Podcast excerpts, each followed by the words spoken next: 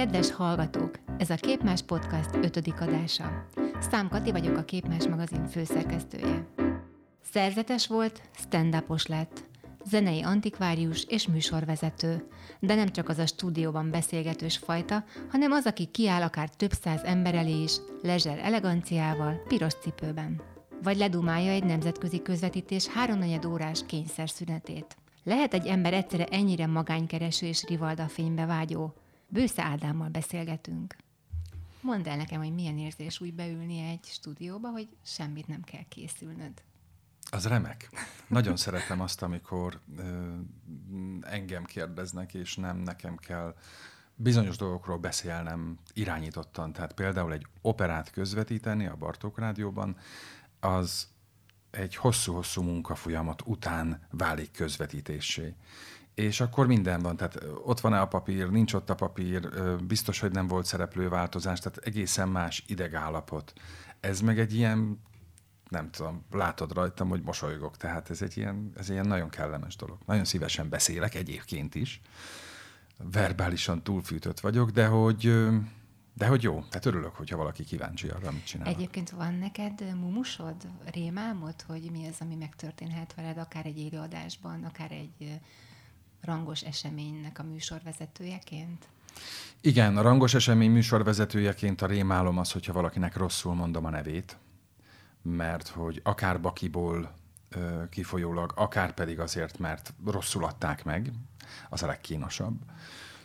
A rádióban pedig régen az volt a mumusom, hogy mi van akkor, hogyha nem kezdődik el az előadás, és nekem akkor nagyon sokat kell beszélni. És ez egészen addig tartott, amíg volt egy Metropolitan Opera közvetítés, a Valkürt adták, és valami a színpadi gépezetbe beszorult, tehát New Yorkból a közvetítés helyszínéről jelezték, hogy csúszás lesz.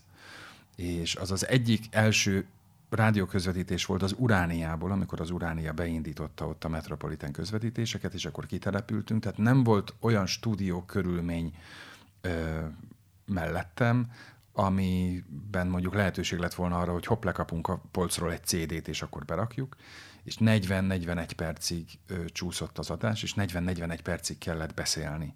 De ahogy ez megtörtént, utána meg nem, hogy nem lett mumus már ez a dolog, hogy mi van akkor, hogyha túl sokat Ki kell beszélni, hanem egyre inkább vágyom arra, hogy lehetőség szerint akár el is maradhat az előadás, mert akkor én szívesen beszélek.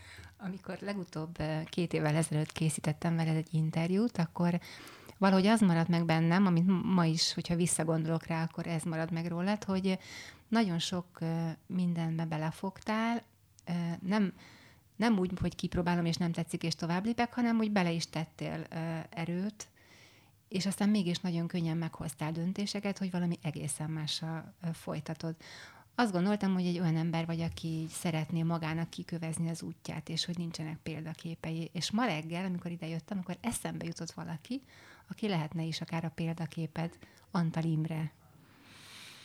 Igen, hát Antal Imrét inkább azt mondom, hogy irigylem, mindenben nem lenne a példaképem, de azt a fajta slágfertigséget, azt a fajta nyelvtudást és színpadi létet, rádiós, televíziós és egyébként színpadi létet, amit ő ö, hát kialakított magának, azt rendkívüli módon irigylem. Mert hogy valóban olyan volt, aki mosolygott a színpadon, aki, akiről azt lehetett látni, hogy igazából nem lehet kényelmetlen helyzetbe hozni. Ezt igen, ezt szívesen elérném én is. Tehát valóban így van. De azt hiszem, hogy a, én nem ismertem Antal Imrét személyesen, tehát soha nem találkoztunk én ugyanúgy, mint te, vagy bárki rádióból, tévéből, esetleg nem, színházban nem láttam, még az operetben sem, pedig azt megnéztem volna. Zongorázni hallottad?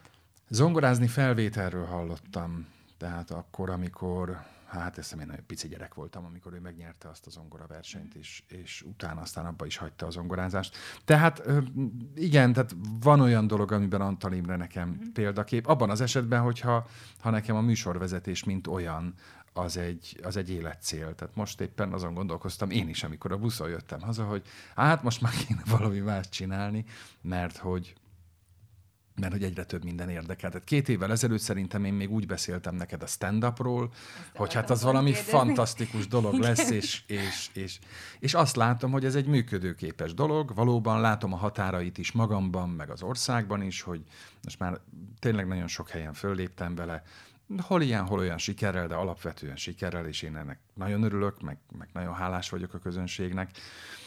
Most még lesz egy angol változata, de nem tudom, tehát hogyha az augusztusi bemutató, ami Angliában lesz, annak mérsékelt lesz a siker, akkor nagyon könnyen le fogom tenni. És most már egészen más dolgok rajzolódnak ki előttem, más dolgokat is csinálok, mint két évvel ezelőtt, ahogy terveztem. Ez érdekes, hogy angliai bemutatót tervezel. Mire alapozod ezt, hogy ott lesz érdeklődés? Van ott ennek hagyománya, vagy... A stand-upnak van hagyománya. De ennek a zenei stand A zenei stand-upnak nincsen, ha csak nem azt a stand-upot nézzük, mint amit Dudley Moore csinált, aki alig beszélt, inkább játszott és énekelt, és ahogy kifigurázta a zeneszerzőket. De te nem a... fogsz énekelni, vagy fogsz? Á, remélem nem. szóval abban, abban volt a, a humorforrás. A stand-upnak egyébként komoly hagyománya van, mindössze, nagyon szépen szól ez az angliai bemutató, a Fringe Festival, ami a, augusztusban van, Edinburghban, Skóciában, ott nem tudom, ezernél több stand-up van, produkció van. És ö, én ott szeretnék föllépni, szeretném magam megmutatni. Aki stand-upra kíváncsi a világból, az odajön, akár ügynököket, akár közönséget, akár fanatikusokat, akár csak egy turistát nézek, az ott van a Fringe Fesztiválon, és az, hogyha klasszikus zenei stand-up egy ilyen, hát hogy mondjam, messze nem fiatal embertől, mármint az ott fellépőkhöz viszonyítva, érdekel, akkor egy ilyen négy-öt előadással megpróbálom azokat az embereket megfogni, de ha nem jön be, akkor nem jön be, hát semmi. Baj Éppen a, a decemberi számban Kovács András Péterrel készítek interjút, mert meg is van, hamarosan meg is jelenik, és ő elmondta, hogy annak idején ezt a stand-upot egy picit félreértették a művelői, mert azt gondolták, hogy ez csupán humor és szórakoztatás, de ő úgy látja, hogy ez csak egy eszköz. Egy, a humor is, meg maga a műfaj is egy eszköz, hogy valami fontosat elmondjunk. Ami fontosat te el akarsz mondani, az a zenéről szól? Nem, én nem akarok elmondani fontosat. Tehát ebben nem ugyanazt a, az utat járjuk, mert hogy az egész életem arról szól, legalábbis a Bartók Rádiós hivatásom mindenképpen, hogy fontos dolgokat mondjak, lehetőleg szórakoztató formában. És ez egy ilyen kvázi mellékterméke az egésznek, tehát ebben nincs semmi fontos, bár azt látom, hogy a visszajelzésekből következtetve azt látom, hogy mégiscsak lehet benne valami fontos, mert többen írtak már, meg többen jelezték, hogy, hogy milyen jó, hogy az úgymond pornéphez is eljut az, hogy, hogy van klasszikus zene, és hogy ezek a zeneszerzők, meg zenészek élő emberek voltak, és hogy, hogy sokkal kevésbé érzik magukat már kirekesztve, meg sokkal kevésbé érzik azt, hogy ez egy ilyen elefántcsontoronyba zárt figuráknak a, a közössége lenne, mármint a klasszikus zenét művelőké tehát mégiscsak van benne valami, de nekem nem ez volt a célom, vagy nem ez a célom, hanem a, a, a, a tiszta szórakoztatás. Lehetőség szerint kulturált témákkal, tehát nem feltétlenül. De csak több ez, mint egy ilyen az életművet baki parádéja, vagy nem tudom, hogyan fogalmazom. Igen, igen, de valószínűleg hárítom is ezt az egészet. Mm. Tehát most, ahogy kérdezed, érzem azt, hogy folyamatosan tolom vissza az egészet. Nem, nincs semmi fontosabb, amit csinálok. Ez nem tudom, lehet, hogy ilyen személyiség probléma, ami bennem van vagy pedig csak sajátosság.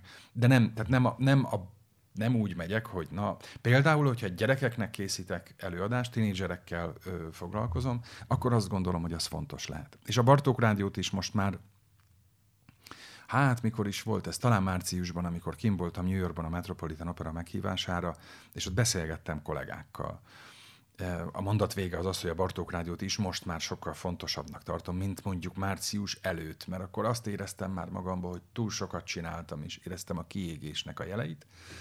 És akkor kint voltam New Yorkban, és uh, William Bergernek hívják azt az úriembert, aki, hát én nem tudom, 30 éve csinál opera közvetítéseket. Mm. És így leültünk egy kávé mellett is beszélgettünk, és úgy éreztem, hogy egy nagyon közvetlen figura, tehát meg megkérdezhetem tőle, hogy ne haragudjon, de hát, hogy hányszor közvetítette már a Rigolettót, és azt mondja, hogy meg nem tudja. De hogy hogy lehet a Rigolettóról még 66-szor is valami újat mondani? És ő nem azt mondta, hogy, hogy újat kell mindig mondani, hanem azt mondta, hogy ő, amikor gyerek volt, az egész élete megváltozott attól, mert hallott egy közvetítést, és a műsorvezető, nem az előadás, hanem a műsorvezető úgy beszélt, olyan lelkesedéssel, érződött a hangjában őszintén, hogy azt mondta, hogy én is ezt akarom csinálni, ha nem is a műsorvezetés, de hogy meg akarom ismerni az operát. És azt mondta, hogy óriási a felelősséged, hogy amikor beszélsz, nem tudod, hogy kinek az életét változtatod meg, vagy kiét fordítod el a zenétől. És akkor nagyon elszégyeltem magam, és azt mondtam, hogy fú, ez, ez szóval tényleg nagy a felelősség. De a stand-up, biztos, hogy a stand-upban is ben, benne van ez, de, de én úgy akartam, hogy ez ilyen szórakoztató dolog legyen, de lehet, hogy van persze komolyabb küldetése is. Beszéltél te is a kiégésről, és hát nagyon sokféle dolgot csinálsz. Azt jól gondolom, hogy talán a kedvenced az a varázsbolt? Igen, a varázsboltot én nagyon szeretem, mert hogy ö, én mindig is szerettem hallgatni más rádiókat, főleg külföldi rádiókat, akár az osztrák, vagy a német csatornákat, vagy akár a BBC 3. A BBC nekem mindig egy ilyen nagy példa volt, hogy egyszerűen lenyűgöző, hogy ott mit tudnak, milyen új ötletet tudnak kitalálni. És erre mindig is vágytam, hogy, hogy valami újat csináljunk. És a, a varázsbolt, hát amögött van valami ilyen BBC-s élmény. Ugyanis a, nem is a BBC 3-nak, hanem a 4-nek, azt hiszem a 4-en futott egy sorozat, a világ történelme száz tárgyon keresztül. Ez volt a címe. Ez egy negyedórás műsor volt. Nem volt benne sok beszélgetés, inkább egy ilyen David Attenborough féle figura mesélt tárgyakról, látható dolgokról, láthatatlan ö, médiumban, tehát hogy rosszul fogalmaztam, tehát látható dolgokról olyan médiumban, aminél a látás ki van zárva. Verbálisan tehát igen, kell verbálisan körülélni. kell bemutatni valamit, és ez nekem nagyon tetszett, hogy, hogy mégiscsak meg lehet azt csinálni, mert nem tudom a tárgyat, tehát nem látom magam előtt, de valamit látok magam előtt. Ugye hanghatásokkal, tehát egyszer bemutattak egy teás készletet, a teáról beszéltek, és akkor lehetett hallani, hogy folyik a tea, mm. és ez, ez, tehát ezek óriási kihívás volt. És akkor ennek nyomán jött a varázsbolt ötlete. Én egy negyedórás műsort szerettem volna ehhez hasonlóan, de ilyen formátum a Bartók Rádió nincs, úgyhogy félórás műsor lett ebből, de a félórás műsornak a, hát azzal, hogy félórás lett, megváltozott az egész szerkezete. Tehát megváltozott a, az egész um, közelítés módja, mert hogy sokkal több megszólaló kell bele, és hát ez egy, ez egy jó dolog, tehát ennek ez, ez kicsit olyan, mint egy képmás magazin, például, hogy, hogy ez a dicséret helye, azért is szeretem, mert ö, egyrészt jó kézbe venni, és jó ránézni. Tehát olyan arculata van, aminek van mondani valója. Tehát elegáns is, közvetlen is, nem egy elefánt toronyba zárt, és ilyen nagyon régieskedő valami, nem is nagyon modernkedő valami, hanem egy ilyen nagyon kellemes valami. De most ez az, ami a varázsboltban engem ezt elkezdett érdekelni, hogy hogy lehet úgy ezt az egész, azt a bizonyos témát bemutatni, hogy, hogy az akusztikailag ö, elegáns legyen, tehát nincs benne telefonos interjú például, mert az akusztikai hangban nem szól úgy, ö, nincs benne másfél percnél hosszabb egy azon műfajú ö, megszólalás, tehát akár riport, akár zene, akár ö, archív részlet, ö, akár csak zaj, vagy, vagy valami utcai, vagy bejátszás.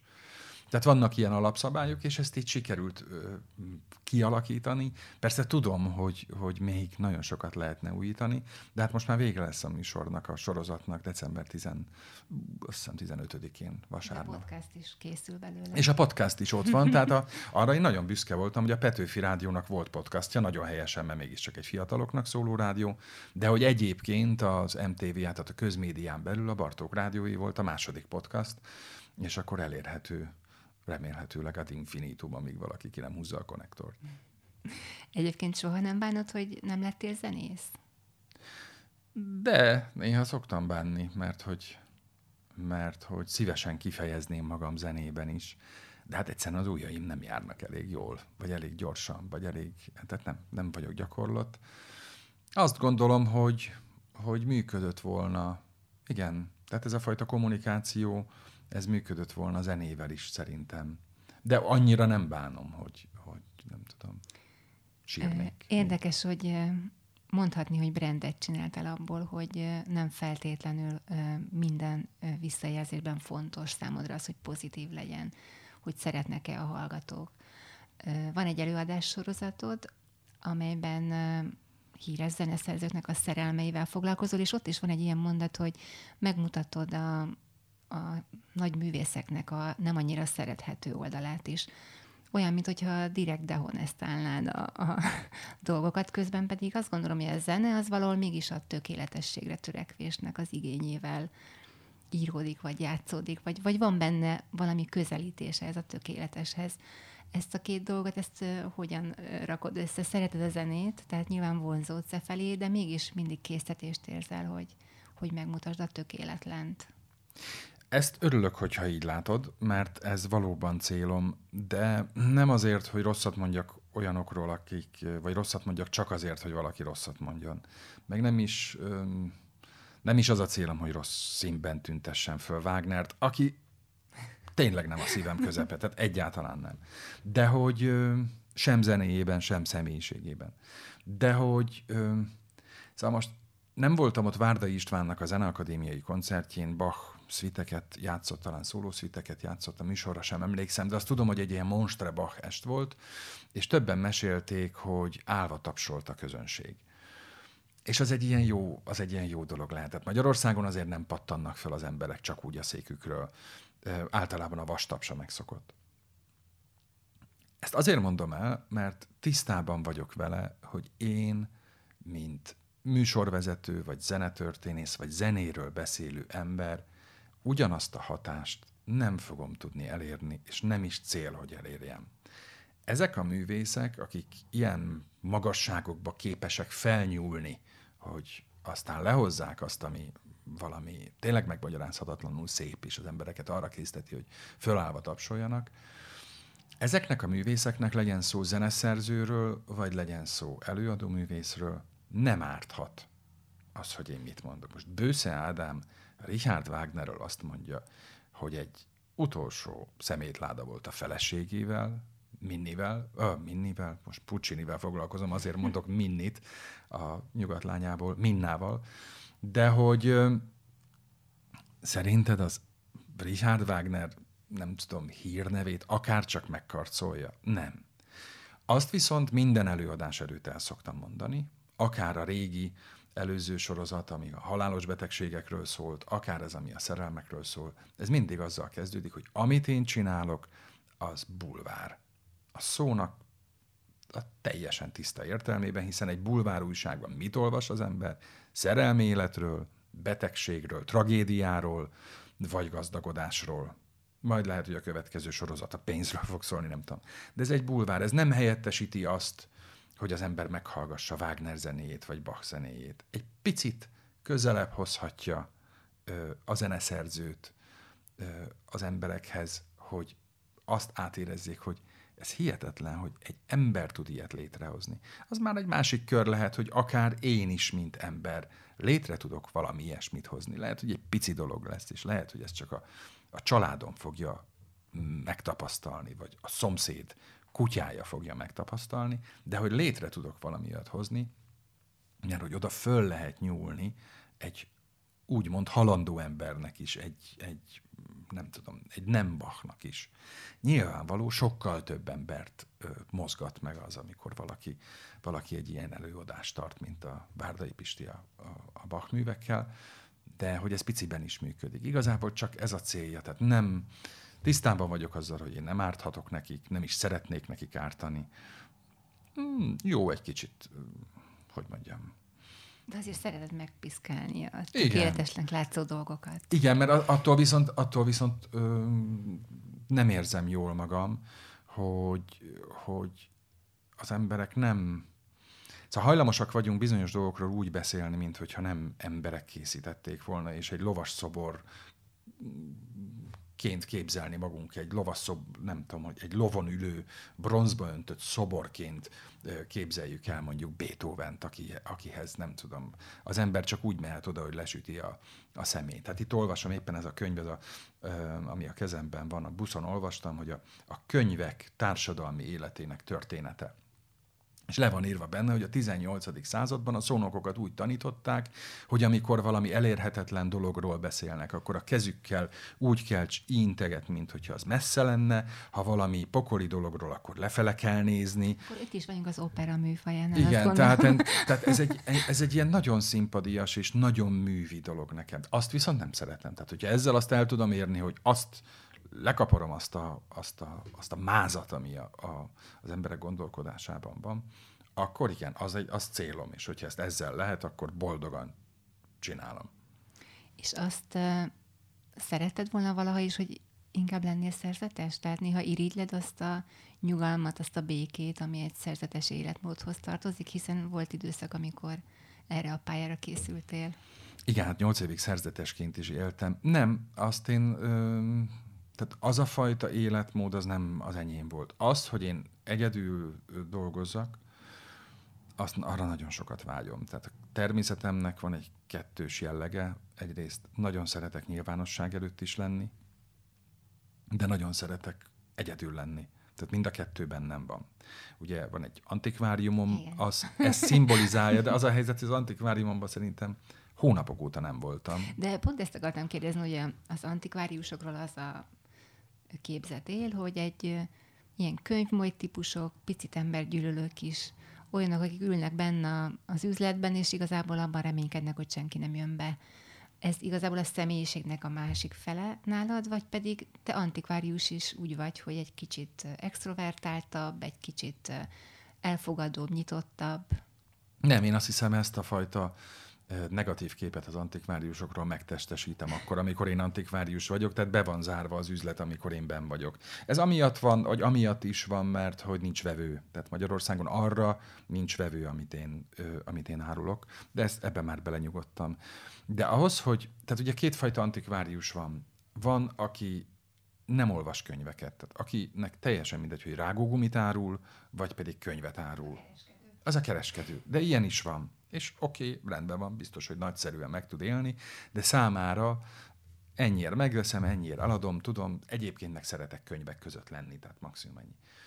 Vannak azok az antikváriusok, akik szakmailag komoly antikváriusok, tehát ö, nem használt könyvekkel foglalkoznak, hanem antikváriumi tételekkel, amik tényleg, amelyek tényleg ritkaságok. Tehát utána kell nézni egy katalógusban, hogy első kiadása nem valamilyen szempontból ritka, fontos vagy érdekes. Tudni kell, hogy ki az a gyűjtő, melyik intézmény az, akinek ezt föl lehet ajánlani. Az már egy, hogy mondjam, tehát ez azt jelenti, hogy egy könyvvel el lehet tölteni egy napot is, azért, hogy az ember feldolgozza és megírja mellé azt a bemutató szöveget, hogy ez miért fontos a másiknak. És van az az antikvárius, aki még emellett gyűjt és olvas, tehát szakmailag is felkészült, de emellett van úgy, hogy egy könyvet nem akar kiadni a kezéből, mert előtte szeretné vagy elolvasni, vagy egy kicsit maga mellett tudni. Én, és e, ezt, ezeket az embereket nagyon zavarja az, hogyha még vevő is megkérdezi, hogy van-e zongoraiskola egy. Nincs zongoraiskola egy, mert nem foglalkozom ilyennel, menjen máshova, és csak ezzel jöttek be, meg azzal, hogy zoknit áruljanak nekem az utcáról. Úgyhogy bezártam az üzletet. Így, hogy tehát ben vagyok, akkor én ez a fajta típus vagyok, és nem szeretem, hogyha megzavarnak benne. De ez a személyiségemnek a másik része, hogy, hogy vágyom arra, hogy egyedül legyek. Ezért is alakult ki az, hogy a zenét, mint szórakozást kevésbé tudom magaménak tudni, mert olyan sok zene ér, ezért van az, hogy szép irodalmat olvasok inkább, az az én saját hobbim, az az én saját menekülési utam, mert hogy ott tudom azokat a, a művészet iránti vágyaimra, vagy kérdéseimre választ, ott kapok, és sajnos nem a zenében, amiből mondom, hogy olyan sok van, nem mind, ez nem a zenét, zenét degradálja, hanem inkább az én személyiségemről mond el valamit. Amikor nézem az oldaladat, oda felszoktad tenni a ritkaságokat, vagy amikor beszerzel egy új példányt, és egy picit úgy tűnik nekem, hogy nem is eladni szeretnéd, hanem inkább felhívni a figyelmet, hogy találtam egy ilyet. Tehát ez a, ez a kincs találásnak az örömét szeretnéd megosztani. Azért olyan előfordult bár, hogy megvettek valamit, és te visszavásároltad, mert megbántad, hogy eladtad? Nem, olyan nem fordult elő, tehát hogyha valamit eladtam, akkor amikor már közzé teszem, akkor már az elszakadás folyamatán túl vagyunk. Tehát azt én nem szoktam, egyáltalán nem rakom ki, hogy, hogy mi az, amit szereztem, pedig hát sok, sok ilyet ki tudnék rakni. E, valóban, ezt nagyon jól látod, amikor kikerül valami az oldalamra, akkor az azért van, hogy na tessék végre, olyan sokan hívtatok már, hogy van-e ez vagy az, vagy amaz, és akkor megtalálom, és akkor kirakom. Gyakor... Ezek nem a te kedvenceid. Nekem ezek mind megvannak általában. Tehát ha kikerül, és az én érdeklődésembe, érdeklődési körömbe tartozik, akkor csak az kerül ki, ami nekem már megvan. És meg is bánom olyankor, mert utána meg jönnek, azok, jönnek az üzenetek, hogy akkor én kérném, én kérném, én kérném, és akkor mikor lehet átvenni, és amikor jön, amikor lehet átvenni, akkor szembesülök azzal, hogy te jó Isten, éppen most is, nem tudom, van egy karmester fiú, akit nagyon szeretek meg, Rajna Martinnak hívják, aki kiváló tehetségű dirigens, és szegény már, nem tudom, két hete írogat, hogy figyelj, annyira szeretném azt a könyvet, hol tudunk találkozni. Mézes madzagot elhúzott. Igen, aztán. igen, igen. Szóval majd, majd meglátjuk, hogy az antikváriummal mi lesz, de azt, az nekem... Na, az például egy olyan szívszerelem, ami teljesen stabilan áll az életemben. Tehát nem gondolkoztam azon, hogy azzal valaha fölhagyjak. Míg a stand-up lehet, hogy ha jövőre beszélgetünk, vagy két év múlva, akkor már nem lesz. Van kedvenc zenei korszakod? Van, 16. század második fele, Anglia és egyházi zene és mit muzsika. Mit szeretsz benne? Először is az angol kóruskultúra az egy, az egy teljesen különálló valami. Magyarországon is van ilyen, a Cantimus kórus család, kórus család Nyíregyházán, ők valami, valami hasonlót tudnak, de más gyökerekből táplálkozik az egész, mert hogy azért ott nagyon erős a magyar, hát Kodály, meg a Kodály módszer. De az is tényleg egyszerűen lefegyverző, ahogy azok a fiatalok és gyerekek énekelnek, és az a fegyelem, a, a szónak tényleg nagyon szép értelmébe vett, vagy jó értelmébe vett fegyelem, ami ott azt az egész koncertet, vagy, vagy azt az egész életet, amiben azok a gyerekek élhetnek, körüljárja. De az angol kórus kultúra az kicsit más, egy pár évtizedes szakasztól eltekintve az töretlen hagyomány és a gyerekhangnak, a férfi hangnak és a, a falzett hangnak, a férfiak által mondjuk fejhangnak hívjuk ezt, ennek, a, e, ennek a, az együttese egy ilyen nagy hagyományjal, évszázados vagy évezredes hagyományjal a hátuk mögött, egy katedrálisban, ráadásul ezek kicsit líraibb hangon énekelnek, kicsit lágyabban énekelnek, mint máshol Európában, ez valami olyan hangzást kelt, vagy olyan hangzást ö, tudnak ők produkálni, hogy lenyűgöző. És nem való, tehát a madrigálokat ugyanebből a korból nem feltétlenül szeretem. Mm. Tehát az a fajta templomi hangzás, és ének, énekelhetnek felülem kortárs zenét is, de hát az, az, egy, az, egy, az egy virágkora volt az európai zenetörténetnek. És érdekes, hogy Palestrina meg Lassus, aki ugyanebben az időben, a 16. század második felében Itáliában, Németalföldön vagy a Müncheni udvarban dolgozott, ők is lenyűgözőek, de van ez, a, ez az angol stílus, ez az angol ízlés, amiről már egy századdal korábban is beszéltek, ez meg, megvan ebben. Úgyhogy igen, van ezt. Tehát, hogyha tehetem, Na ezzel a zenével soha nincs bajom. Tehát, hogyha zenét hallgatok, és megvan rá az akusztikai környezet, tehát mondjuk vonaton, buszon, villamoson ilyet nem lehet hallgatni, akkor biztos, hogy ilyet hallgatok. Hogyha készíthetnél interjút valakivel, aki már nem él a zenetörténetből, akár zeneszerző, akár előadó művész, akkor kit választanál, és miért? Hát erre sajnos két válaszom van. Az egyik, hogy az interjú, mint olyan, a műfajtól, en, műfajjal engem ki lehet üldözni a de világból. Jó, ha nekem, nem, nem, nem, nem, félreértesz, félreértesz, ha nekem kell csinálni, készíteni. Mert hogy, mert hogy ez nekem nem megy. Tehát én azért is nézek fel rátok, mert hogy végig a szemembe nézel, olyanokat kérdezel, amire nem csak, hogy tudok, hanem szeretek is válaszolni. Ez egy olyan munka, amit tudom magamról, tehát kényelmetlenül érzem magam abban a szituációban. Ez az egyik, ez egy zárójeles. Hogy rendesen is válaszoljak, William Bird lenne, akivel interjút készítenék, aki pontosan ennek az időszaknak a legnagyobb angol zeneszerzője, egy kicsit ő belelóg a 17. századba is, és hát az a fajta zeneszerző volt, aki mind katolikus, mind anglikán liturgiához írt darabokat, ami hát azért egyáltalán nem volt egy veszélytelen vállalkozás akkoriban. És ez az egész első Erzsébet és időszak uralkodása, az a világ engem nagyon-nagyon vonz. Van bennem némi anglománia is. Igen, azt hiszem, hogy szívesen élnék ott, szívesen készítenék vele interjút, bár a higiéniés viszonyok azok számomra nem lennének kielégítőek, meg az internetet még áthoznám. Látod most, hogy megdicsértél El is akadt a szavam. Így vagyok én a sportolás közben, mert amikor, amikor az edzőm, én fallabdázom viszonylag sokat, hetente háromszor, és az ed, csak edzésre járok, és amikor meg tehát elindul valami, amit jól elkezdek csinálni, és akkor jön egy dicséret, és utána ütök négy olyat, amit csak olyanok ütnek, akiknek ütősen volt még a kezében. A 21. század szerinted kedvez a zenének, a zene szerzésnek, a zene befogadásnak? Le, úgy érzed, hogy ez egy nagy korszak lehet a zenetörténetben?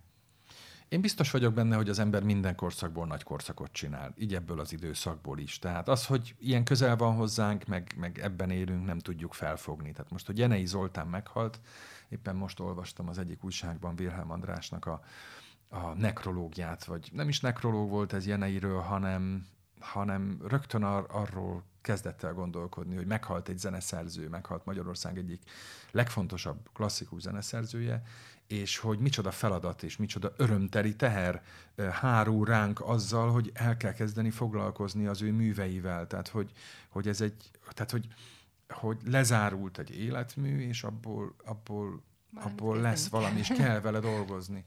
És azt gondolom, hogy muszáj, hogy ez is nagy korszak legyen. Valamilyen szempontból nagykor. Hát már Schönbergékre úgy gondolunk, hogy, hogy hát az már egy ilyen, már Bartókra is, hogy hát lassan már ugye annyira távol lesz tőlünk, hogy, hogy hát egy ilyen óriási korszaknak számít, de már a második világháború utáni magyar zeneszerzés is, hogy akkor egyre másra jelennek meg a könyvek. Most már 56 zenei kultúrájáról is szó van, nyilván politikai értelemben, de majd a szocializmusnak a zeneszerzéséről is szó lesz, és ezek szépen lassan, ahogy a beszélgetés elején mondtam, szépen lassan ezek, a, ezek az emberek szoborrá kezdenek válni, és, és elkezdünk rájuk felnézni.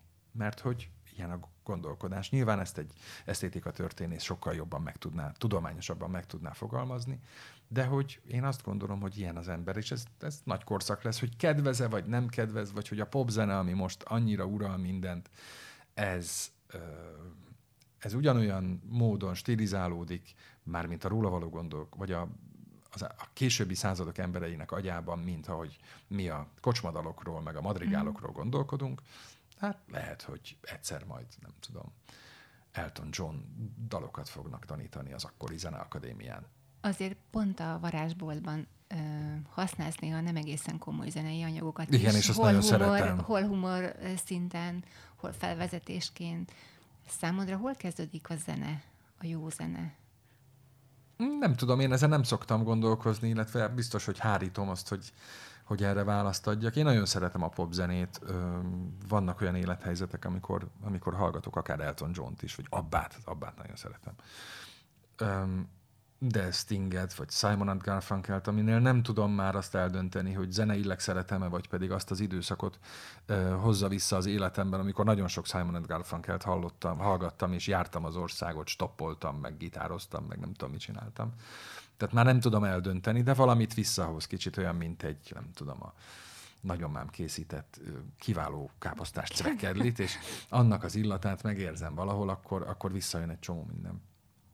De hogy nem, nem tudom, én ezt nagyon hamar el tudom dönteni azt, hogyha valamit hallgatok, és az, azt, azt jónak tartom-e, vagy nem. Tehát így általánosságban nem tudok rá válaszolni. Azt meg tudom mondani, hogy szerintem valami jó, vagy nem jó, és azt is meg tudom indokolni, hogy szerintem miért nem jó.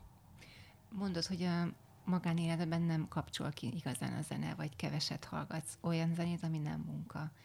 Például karácsonykor milyen zene szól nálatok?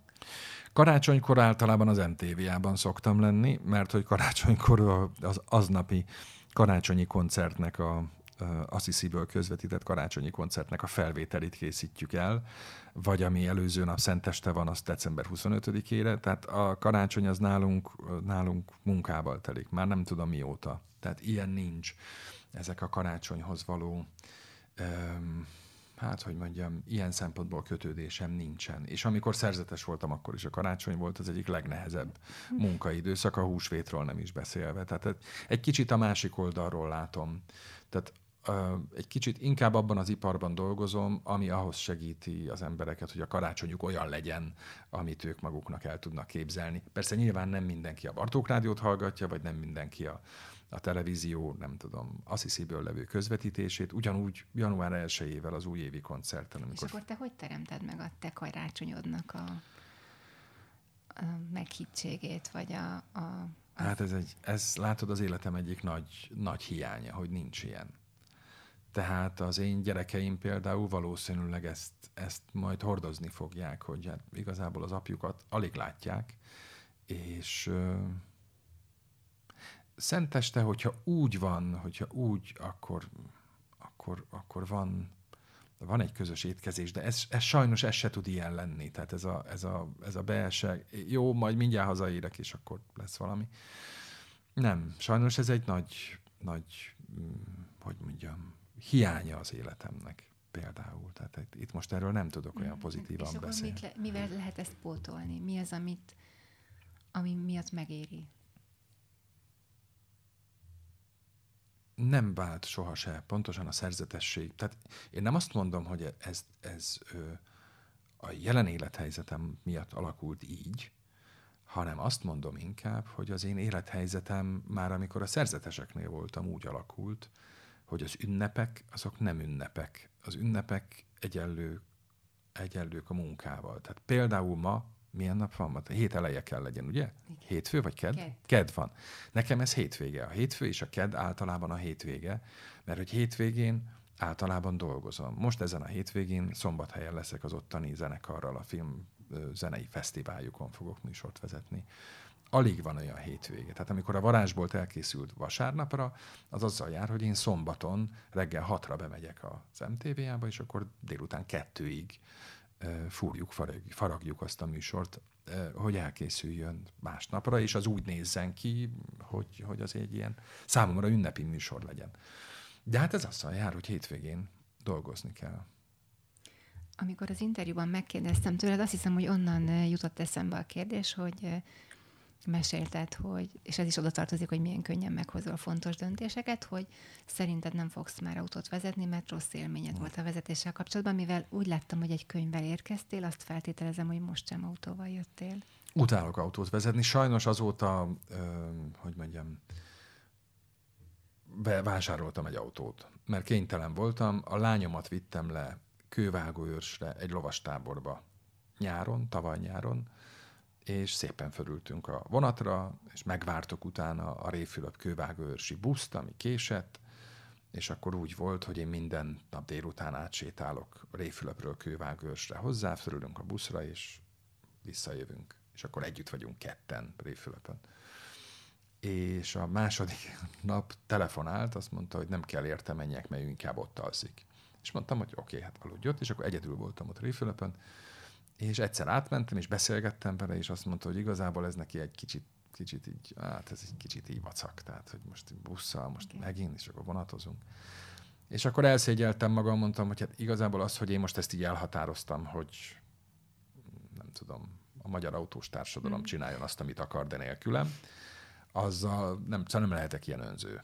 Úgyhogy vásároltam egy autót, de ha tehetem, nem ülök. Tehát ma is busszal jöttem, busszal megyek mindenhova, vonattal megyek szombathelyre, vonattal jövök vissza.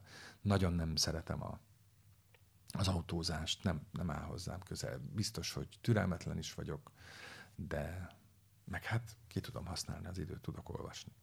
De ez egy nagyon bátor döntés egy olyan társadalomban, ahol elvárják, az elvárás az, hogy valaki autót vezessen, vagy legalábbis egy, egy, van egy konszenzus ezzel kapcsolatban. És akkor, amikor erről beszélgettünk, az a kérdés, amire utaltam, és ami ebből következett számomra, az volt, hogy mit jelent számodra a bátorság, és te annyit válaszoltál, én nem vagyok bátor.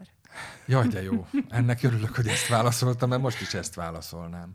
De, nem. Mi, de mit gondolsz, hogy mi a bátorság? A te életedben például mi a bátorság? Mert egy csomó dolgot megteszel amit más nem merne, kiállsz sok ember elé, beválasz számodra szokatlan helyzeteket. Mi akkor a bátorság? Mi az, ami, ami miatt szerinted te nem vagy bátor? Azért gondolom, hogy nem vagyok bátor, mert nem hozok olyan döntéseket, amihez tényleg bátorság kellene. Tehát van az életemben most előttem egy olyan döntési helyzet, amit már forgatgatok, meg tologatok magam előtt évek óta és, és lassan el kellene határozzam azt, hogy vagy nem tologatom tovább, és benne maradok ebben a szituációban, vagy pedig, bocsánat, vagy pedig egyszerűen hozok egy döntést, egy bátor döntést, és azt mondom, hogy vége, és kezdődjön valami új. De olyan sok szál szakadna ezáltal el, meg annyira tényleg bátorság kell hozzá, hogy, hogy nem merem meghozni. Hát három éve már. Na ez, ha ezt meghozom, már pedig ezt meg kell hozni, akkor, akkor azt mondom, hogy jó, hát ez egy bátor döntés volt. Ha nem fogom meghozni, és mondjuk két év múlva találkozunk, és megkérdezed, hogy az a homályos dolog, amiről akkor beszéltél, azt meghoztad, és azt mondod, hogy nem, hát akkor, akkor tényleg biztos lehetsz benne, hogy nem vagyok bátor. Nekem az, hogy ne üljek kocsiba, mm, nem bátorság kérdése. Egyszerűen nem. Inkább öntörvényűnek mondanám magam, de ez is ilyen kicsit ilyen gemütlich öntörvényűség, hogy ja, egy kicsit ilyen egy faxnis fiú lehet ezt mondani rá. De nem, azt hiszem, hogy amikor azt eldöntöttem, hogy elhagyom a szerzeteseket, az, azt gondolom, hogy egy bátor döntés volt. De... Miért volt bátor döntés? Mert egy teljesen ismeretlen világba kerültem ki. Tehát nekem a négy év kollégium és a nyolc év szerzetesség, az 12 év volt életem egyik legérzékenyebb időszakában, ha nem a legérzékenyebb időszakában. És annyira befele fordultam, már úgy értem, a szerzetes rend fele fordultam, bár én még a, hogy mondjam, a, a kintlevő világgal inkább kapcsolatot tartó ember voltam, de annyira az volt az irány, hogy kijöttem, és, és horrorisztikus dolgokat csináltam utána, tehát nem, nem, nem találtam a helyemet bizonyos tekintetben. Visszatekintve mondom azt, hogy bátor döntés volt, akkor nem, mert akkor már nem tudtam mit csinálni. Tehát az is tolódott, tolódott, tolódott, nem tudom, egy éven keresztül, és, és akkor nem volt kérdés, tehát nem tudtam bátor vagy nem bátor lenni, azt el kellett dönteni, tehát ott az, az nem, maga, magam nem bírtam már ezt a vackolódást, hogy jó, most akkor, hogy ezt néz, innen nézzük, akkor ez ilyen, az onnan nézzük olyan. Amikor a, az is érdekes volt számomra, amikor a, bekerültem a szerzetesekhez, akkor én nem tudtam eldönteni, hogy színész legyek. Azt hiszem, hogy erről is beszélgettünk, vagy pedig, vagy pedig szerzetes. És akkor én, akkor én szerettem volna, hogyha más dönt helyettem. És emlékszem, az is pokoli volt, hogy most mi legyek. Nem tudtam döntést hozni. És akkor, akkor mondta valaki, hogy azzal, hogy meghozod a döntést, azzal egy akkora könnyebbség ö, jár, hogy, hogy megéri azt mondani, hogy igen, vagy azt mondani, hogy nem. Mert hogyha tényleg meghoztad, akkor az nagyon sok mindent megold. Még azt is, amire esetleg előtte az úgy gondoltál volna, hogy hát ez majd probléma lesz. Azt is megoldhatja. Annyit lehet tudni, hogy ez a döntés, ez megváltoztatja a karácsonyaidnak a lefolyását? Hogy a... Nem merek erről többet mondani. uh, valószínűleg igen. Hát akkor minden esetre boldog karácsonyt neked. Ja, boldog karácsonyt. Ó, ha tudom, hogy ez egy ilyen karácsonyi beszélgetés, akkor igyekeztem volna fenköltebbnek lenni, de így legalább őszinte voltam. Igen.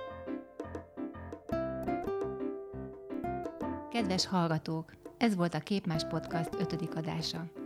Műsorainkat megtalálják a népszerű podcast hallgató applikációkban, a képmás.hu podcast rovatában, a YouTube-on, a Soundcloud-on. Hallgassanak minket legközelebb is, várjuk Önöket!